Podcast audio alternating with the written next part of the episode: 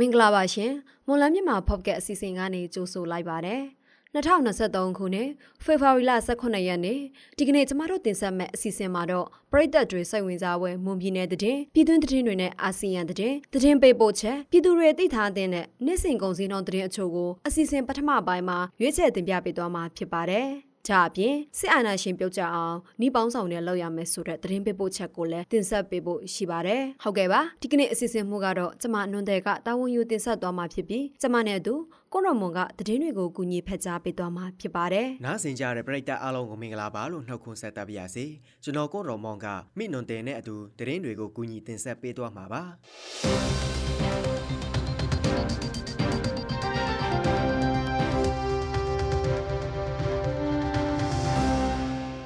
မွန်ပြည်နယ်မော်လမြိုင်မြို့မော်လမြိုင်တက္ကသိုလ်ရှိလေရင်ခွဲဝန်းကျင်နဲ့ဦးစစ်မောင်လန်းရှိဈေးဆိုင်ကန်းအချို့မပြောင်းရွှေ့ရရေးပြည်내စစ်ကောင်စီထံအတနာခန့်စာတင်ထားတယ်လို့သိရပါဗျ။ မော်လမြိုင်လေရင်ကွင်းဝန်းကျင်နဲ့ဦးစစ်မောင်လန်းတခြားရှိစေဆိုင်ခန်းတွေဟာလေရင်ကွင်းပိုင်းမြေဧရိယာအတွင်းရှိနေတဲ့အတွက်ဖေဖော်ဝါရီလ2ရက်နေ့နောက်ဆုံးထားပြောင်းရွှေ့ပေးဖို့မွန်ပြည်နယ်စစ်ကောင်စီကစာထုတ်ညွှန်ကြားထားခဲ့တာပါ။လေရင်ကွင်းနာကပြောင်းရွှေ့ရမည်ဈေးဆိုင်ခန်း15ခန်းကျော်ရှိပြီးအချို့ကပြောင်းရွှေ့ကြတော့လဲအချို့ကပြောင်းရွှေ့ရန်အခက်ခဲရှိနေတဲ့အတွက်သက်ဆိုင်ရာထံအတနာခန့်စာတင်ထားခြင်းလည်းဖြစ်ပါတယ်။ လေရင်ကွင်းဝန်းကျင်နဲ့ဦးစစ်မောင်လန်းမှာဈေးဆိုင်ခန်း15ခန်းကျော်ရှိနေပြီးစားတောက်ဆိုင်ကုံစုံဆိုင်နဲ့ဈေးဆိုင်များဖွင့်လှစ်ရောင်းချနေကြတာပါအခုဆိုဈေးဆိုင်ခန်းတွေကိုတလာလျင်စက်တောင်ခွဲမှ9000အထိ6လတကြိမ်စာချုပ်ချုပ်ပြီးငှားရနေထိုင်ရကြောင်းလဲဈေးဆိုင်ခန်းပိုင်ရှင်တို့ထံမှသိရပါတယ်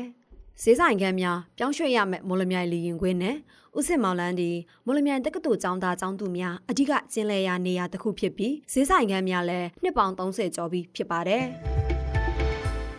ဘီလင်းမြို့နယ်တောင်စွန်းကျေးရွာကအမျိုးသားတဦးတနတ်နဲ့ပြစ်ခတ်ခံရတယ်လို့ဒေသခံတွေထံကသိရပါဗျ။တောင်စွန်းကျေးရွာကရင်စုလမ်းထိပ်နေအသက်36နှစ်အရွယ်ကိုမြင့်မြတ်ဆိုသူကိုတနေ့ကညနေ၄နာရီအချိန်မှာ၎င်းဖွင့်လှစ်ထားတဲ့ကြော်ကြော်စတိုးဆိုင်မှာပြစ်ခတ်ခံရတာဖြစ်ပါတယ်။ကိုမြင့်မြတ်ကိုအင်ဂျီစင်တူဝတ်ထားတဲ့လူငယ်လေးဦးကဆိုင်ကယ်နှစီးနဲ့လာရောက်ပြစ်ခတ်သွားတာလို့ဒေသခံတို့ကဆိုပါတယ်။တနတ်တန်ရာရရှိခဲ့တဲ့ကိုမြင့်မြတ်ကိုတောင်စွန်းတိုက်နယ်စေးရောင်ကတစေမော်လမြိုင်မြို့ကရင်တောင်းရာဆေးရောင်ကိုပို့ဆောင်စေကုသမှုခံယူနေရတယ်လို့သိရပါတယ်။ကိုမြင့်မြတ်ပြစ်ခတ်ခံရမှုဖြစ်စဉ်နဲ့ပတ်သက်ပြီးဘယ်အဖွဲ့ကဘာကြောင့်လှုပ်ဆောင်ခဲ့လဲဆိုတာမသိရသေးပါဘူး။စစ်တပ်အာဏာသိမ်းပြီးနောက်ဘီလင်းမြို့နယ်အတွင်းပြစ်ခတ်ခံရတဲ့ဖြစ်စဉ်တွေမကြာခဏဖြစ်ပွားလေရှိပြီးဒေသခံရဲ့ပြောပြချက်အရသိရပါတယ်။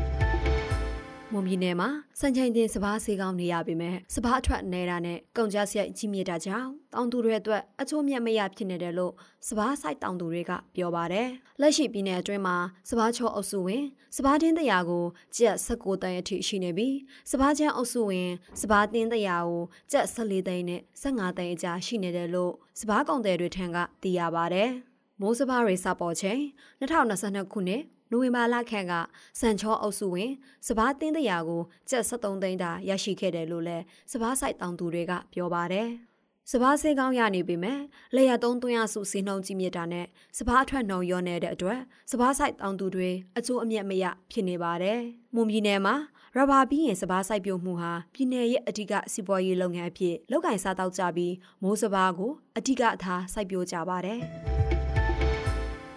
မြန်မာနိုင်ငံကစစ်ဘေးပြိပက္ခပြပွားနေတဲ့ဒေသတွေအတွက်လူသားချင်းစာနာမှုဆိုင်ရာအကူအညီဒေါ်လာတန်90ထောက်ပလိုက်တယ်လို့မြန်မာနိုင်ငံဆိုင်ရာအမေရိကန်တန်ရောင်းကထောက်ပြန်ကြေညာလိုက်ပါတယ်။မြန်မာနိုင်ငံမှာတိုးမြင့်လာတဲ့နေရဆုတ်ခွာရမှုတွေလက်နက်ကင်ပြိပက္ခတွေနဲ့စာနာရိတ်ခါပုံမရှားပါလာတဲ့ဒေသတွေအတွက်အရေးပေါ်စာနာရိတ်ခါနဲ့အာဟာရအထောက်ပံ့တွေအတွက်အမေရိကန်နိုင်ငံကဖွံ့ဖြိုးရေးအေဂျင်စီ USAID မှတစ်စိအမေရိကန်ဒေါ်လာတန်90ကိုအသစ်ထပ်မံထောက်ပံ့သွားမယ်လို့ကန်တန်ရောင်းကထောက်ပြန်ထားတာပါအမေရိကန်ဆိုရလက်အောက်ကအမေရိကန်နိုင်ငံတကာဖွံ့ဖြိုးရေးအေဂျင်စီဟာမြန်မာနိုင်ငံတဝန်းကကူညီလိုအပ်နေတဲ့ပြည်သူတွေအတွက်အရေးပေါ်ကယ်ဆယ်ရေးအထောက်ပံ့တွေပေးအပ်ခြင်းကိုဆက်လက်လှုပ်ဆောင်ရရှိတယ်လို့ထောက်ပြန်ချက်မှာဖော်ပြထားပါတယ်။ဒါအပြင်2023ခုနှစ်အတွင်းမြန်မာနိုင်ငံကလူဦးရေ18တန်းကျော်ထဲမှာလူတောင်ဦးမှာတဦးခအားလူသားချင်းစာနာမှုဆိုင်ရာအထောက်ပံ့တွေလိုအပ်နေတယ်လို့ကန်တန်ရောင်းထောက်ပြန်ချက်မှာဖော်ပြထားပါတယ်။ ထိုင်းနိုင်ငံကိုတရားမဝင်ဝင်ရောက်လာပြီးမလေးရှားနိုင်ငံကိုမြန်မာနိုင်ငံသား73ယောက်ကိုထိုင်းရဲတပ်ဖွဲ့ကမနေ့ကမနက်အစောပိုင်းမှာဖမ်းဆီးလိုက်တယ်လို့ဘန်ကောက်ပို့စ်သတင်းမှာဖော်ပြထားပါတယ်။သူတို့အုပ်စုကိုထိုင်းနိုင်ငံတောင်ပိုင်းနယ်ဆက်စတောင်းခရိုင်တဲကကျေးရွာတရွာထဲမှာရဲတပ်ဖွဲ့ဝင်တွေစစ်တပ်နဲ့အုပ်ချုပ်ရေးအဖွဲ့ဝင်တွေပူးပေါင်းပါဝင်တဲ့ကင်းလှည့်တပ်ဖွဲ့ကဖမ်းမိခဲ့တယ်လို့ရဲတွေကပြောပါတယ်။ ဖမ်းမိသူတွေအားလုံးဟာအမျိုးသားတွေဖြစ်ကြပြီးသူတို့ထဲမှာတယောက်ကပြောရမှာတော့ထိုင်းနိုင်ငံပရာချွန်ခရီခန်ခရိုင်တဲကိုအယောက်30ပါဝင်တဲ့သူတို့အုပ်စုဟာတရားမဝင်နေဆက်ဖြစ်ကြောဝင်ရောက်လာခဲ့ကြပြီးအဲ့ဒီကမှတစ်စစ်ပြစ်ကက်ကားနှစ်စီးခွဲကဆောင်းခလာခရိုင်ဟရိုင်မြို့စီပို့ဆောင်ခဲ့ပြီးအဲ့ဒီမှာတညအိပ်ပြီးမှမလေးရှားထိုင်းနိုင်ဆက်ကိုလာရောက်ခဲ့ကြတာလို့ပြောပါတယ်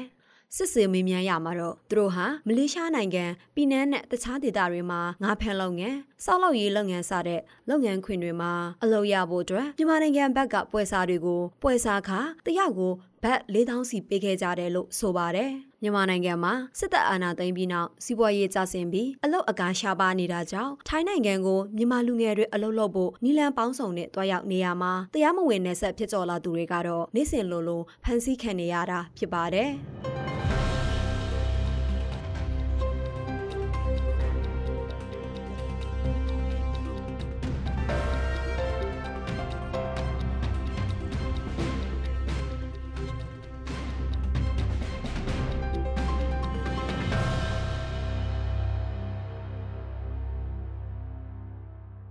ဆက်လက်ပြီးပြည်သူတွေသိထားတဲ့နေ့စဉ်ကုန်စည်နှုန်းသတင်းအချို့ကိုမော်လမြိုင်ကုန်စည်တိုင်းကအချက်အလက်တွေကိုအခြေခံပြီးကျမနှွန်တယ်ကတင်ဆက်ပေးပါအောင်မယ်ဒီကနေ့ထိုင်းနဲ့မြန်မာငွေလွှဲနှုန်းကတော့ထိုင်းဘတ်84ဝယ်ဈေးရှိပြီးတော့ရောင်းဈေးက85ရှိနေပါတယ်ဒေါ်လာဈေးကတော့အမေရိကန်ဒေါ်လာကိုဝယ်ဈေးမြန်မာငွေ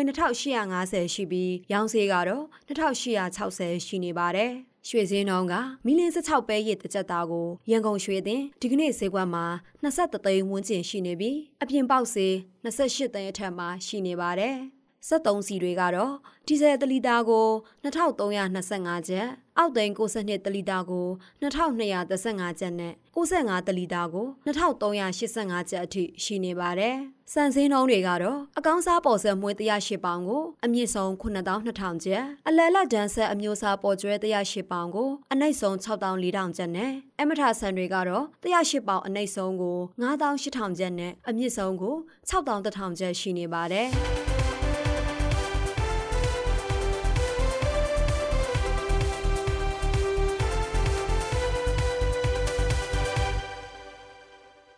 အခုတင်ဆက်ပေးသွားခဲ့တာကဖေဖော်ဝါရီလ18ရက်နေ့မှာဖြစ်ပျက်ခဲ့တဲ့မွန်ပြည်နယ်တည်ပြည်တွင်းတည်နဲ့အာဆီယံတည်တွေအပြင်တနေ့တာစီစီငွေစင်းနဲ့ကုန်စင်းနှုန်းတွေကိုတင်ဆက်ပေးသွားတာဖြစ်ပါတယ်။ဆက်လက်ပြီးတော့စစ်အာဏာရှင်ပြုတ်ကျအောင်နှီးပေါင်းစုံနဲ့လောက်ရမယ်ဆိုတဲ့တည်ပေးဖို့ချက်ကိုတော်တာကတင်ဆက်ပေးပါမယ်။ အယက်တာဆိုရထားမှအာနာသိမ်းယူထားတဲ့မြမစစ်တပ်ကိုပျောက်ကျအောင်နှီးပေါင်းစုံနဲ့လှုပ်ဆောင်ရမှာဖြစ်တယ်လို့မြန်မာနိုင်ငံရေးလေလာသုံးသက်သူဒေါက်တာလှကျော်စောကပြောပါတယ်။လက်ရှိစစ်ကောင်စီအနေနဲ့သူတို့ရဲ့အာဏာရှင်စနစ်တက်ဆိုးရှိရေးအတွက်နေတရန်ပေါင်းစုံနဲ့စ조사လှုပ်ဆောင်နေတယ်လို့သူကဆိုပါတယ်။လက်နက်ကိုတော်လှန်ရေးလုပ်နိုင်တဲ့သူလို့တဲ့နေတရန်ပေါင်းစုံနဲ့လုပ်နိုင်တဲ့လူကပြုတ်ပြီးတော့ဒီစစ်အာဏာရှင်စနစ်ကိုရေးကိုပဲကျမတို့ရှိရှိလို့လုပ်တယ်။ဟု တ်ဘာလို့သူတို့လက်မြဟာကိုကျမတို့ကောင်းကောင်းမြင်ထားမယ်သူတို့ဒုက္ခရစစ်နာရှင်စနစ်ကိုသက်ဆိုးချေဖို့အတွက်ဒီတရံပေါင်းဆောင်လုပ်တာကျမတို့ကလည်းကျမတို့ဒါဒီစစ်အာဏာရှင်စနစ်ရှိမှတိုင်းပြည်မြောက်မယ်တိုင်းပြည်ဖွံ့ဖြိုးတိုးတက်မယ်ဒီလူတွေချမ်းသာချမ်းသာနေရမှာဖြစ်တဲ့အတွက်ဒီတရံပေါင်းဆောင်နဲ့ပြောပေါ့ အဲ့တော့သူတို့လည်းသူတို့လမ်းနဲ့သူတို့လုပ်ပြီးပေါ့လေကျမတို့လည်းကျမတို့ဒီနာတရံပေါင်းဆောင်အတိအကျဒီညခံချက်တွေပါသူတို့ပြောနေပြိုင်တွန်းရင်ရွေးပါလေဆိုတော့ပေါ့အားလုံးညီညွတ်လို့အဲဆက်အနာစနေမတိတယ်အားလုံးပါအောင်သူရုပ်သူစီကျမတို့တမှုတို့ဆက်ချတဲ့ချစ်ခရီးရတော့ခဏခဏပြောလို့ရန်နဲ့ဆက်နေခဲခဲတော့တနေ့ကျမတို့အောင်ပါ စစ်ကောင်စီအနေနဲ့ရွေးကောက်ပွဲကျင်းပနိုင်ရေးစ조사လှုပ်ဆောင်နေပြီးအဲ့ဒီရွေးကောက်ပွဲဟာစစ်အာဏာရှင်စနစ်တက်ဆိုးရှည်ရေးလှုပ်ဆောင်နေတာဖြစ်တာကြောင့်မပြတ်ပြက်အောင်ဖျက်ရမယ်လို့ဒေါက်တာလှကျော်စောကပြောပါတယ်။ရွေးကောက်ပွဲကိုပြက်အောင်ဖျက်ပါကစစ်ကောင်စီတို့အာဏာဆက်ယူရေးအကြောင်းပြချက်တစ်ခုရသွားမှာဖြစ်တယ်လို့မတူညီတဲ့အမြင်ကိုအမျိုးသားညီညွတ်တော့ဒီမိုကရက်တစ်ပါတီ NUD ဥက္ကဋ္ဌဦးစိန်ဝင်းကပြောပါတယ်အဲ့လိုမပြတ်မမပြတ်ပြတ်အောင်ဖြတ်မယ်လေပြောလေလေ ဟိုကပိုးကြိုက်လေပေါ့သူ့အတွက်အကြောင်းပြစရာရှိတာပေါ့အဲ့တော့အန်ကယ်တို့ကတော့ဒီပွဲမှာကတော့ဟိုဟိုဟာမဆွဲပါဘူးပုဂ္ဂိုလ်အဆွဲမထားဘူးအန်ကယ်တို့ကစနစ်တစ်ခုကိုပြောင်းနိုင်ဖို့အတွက်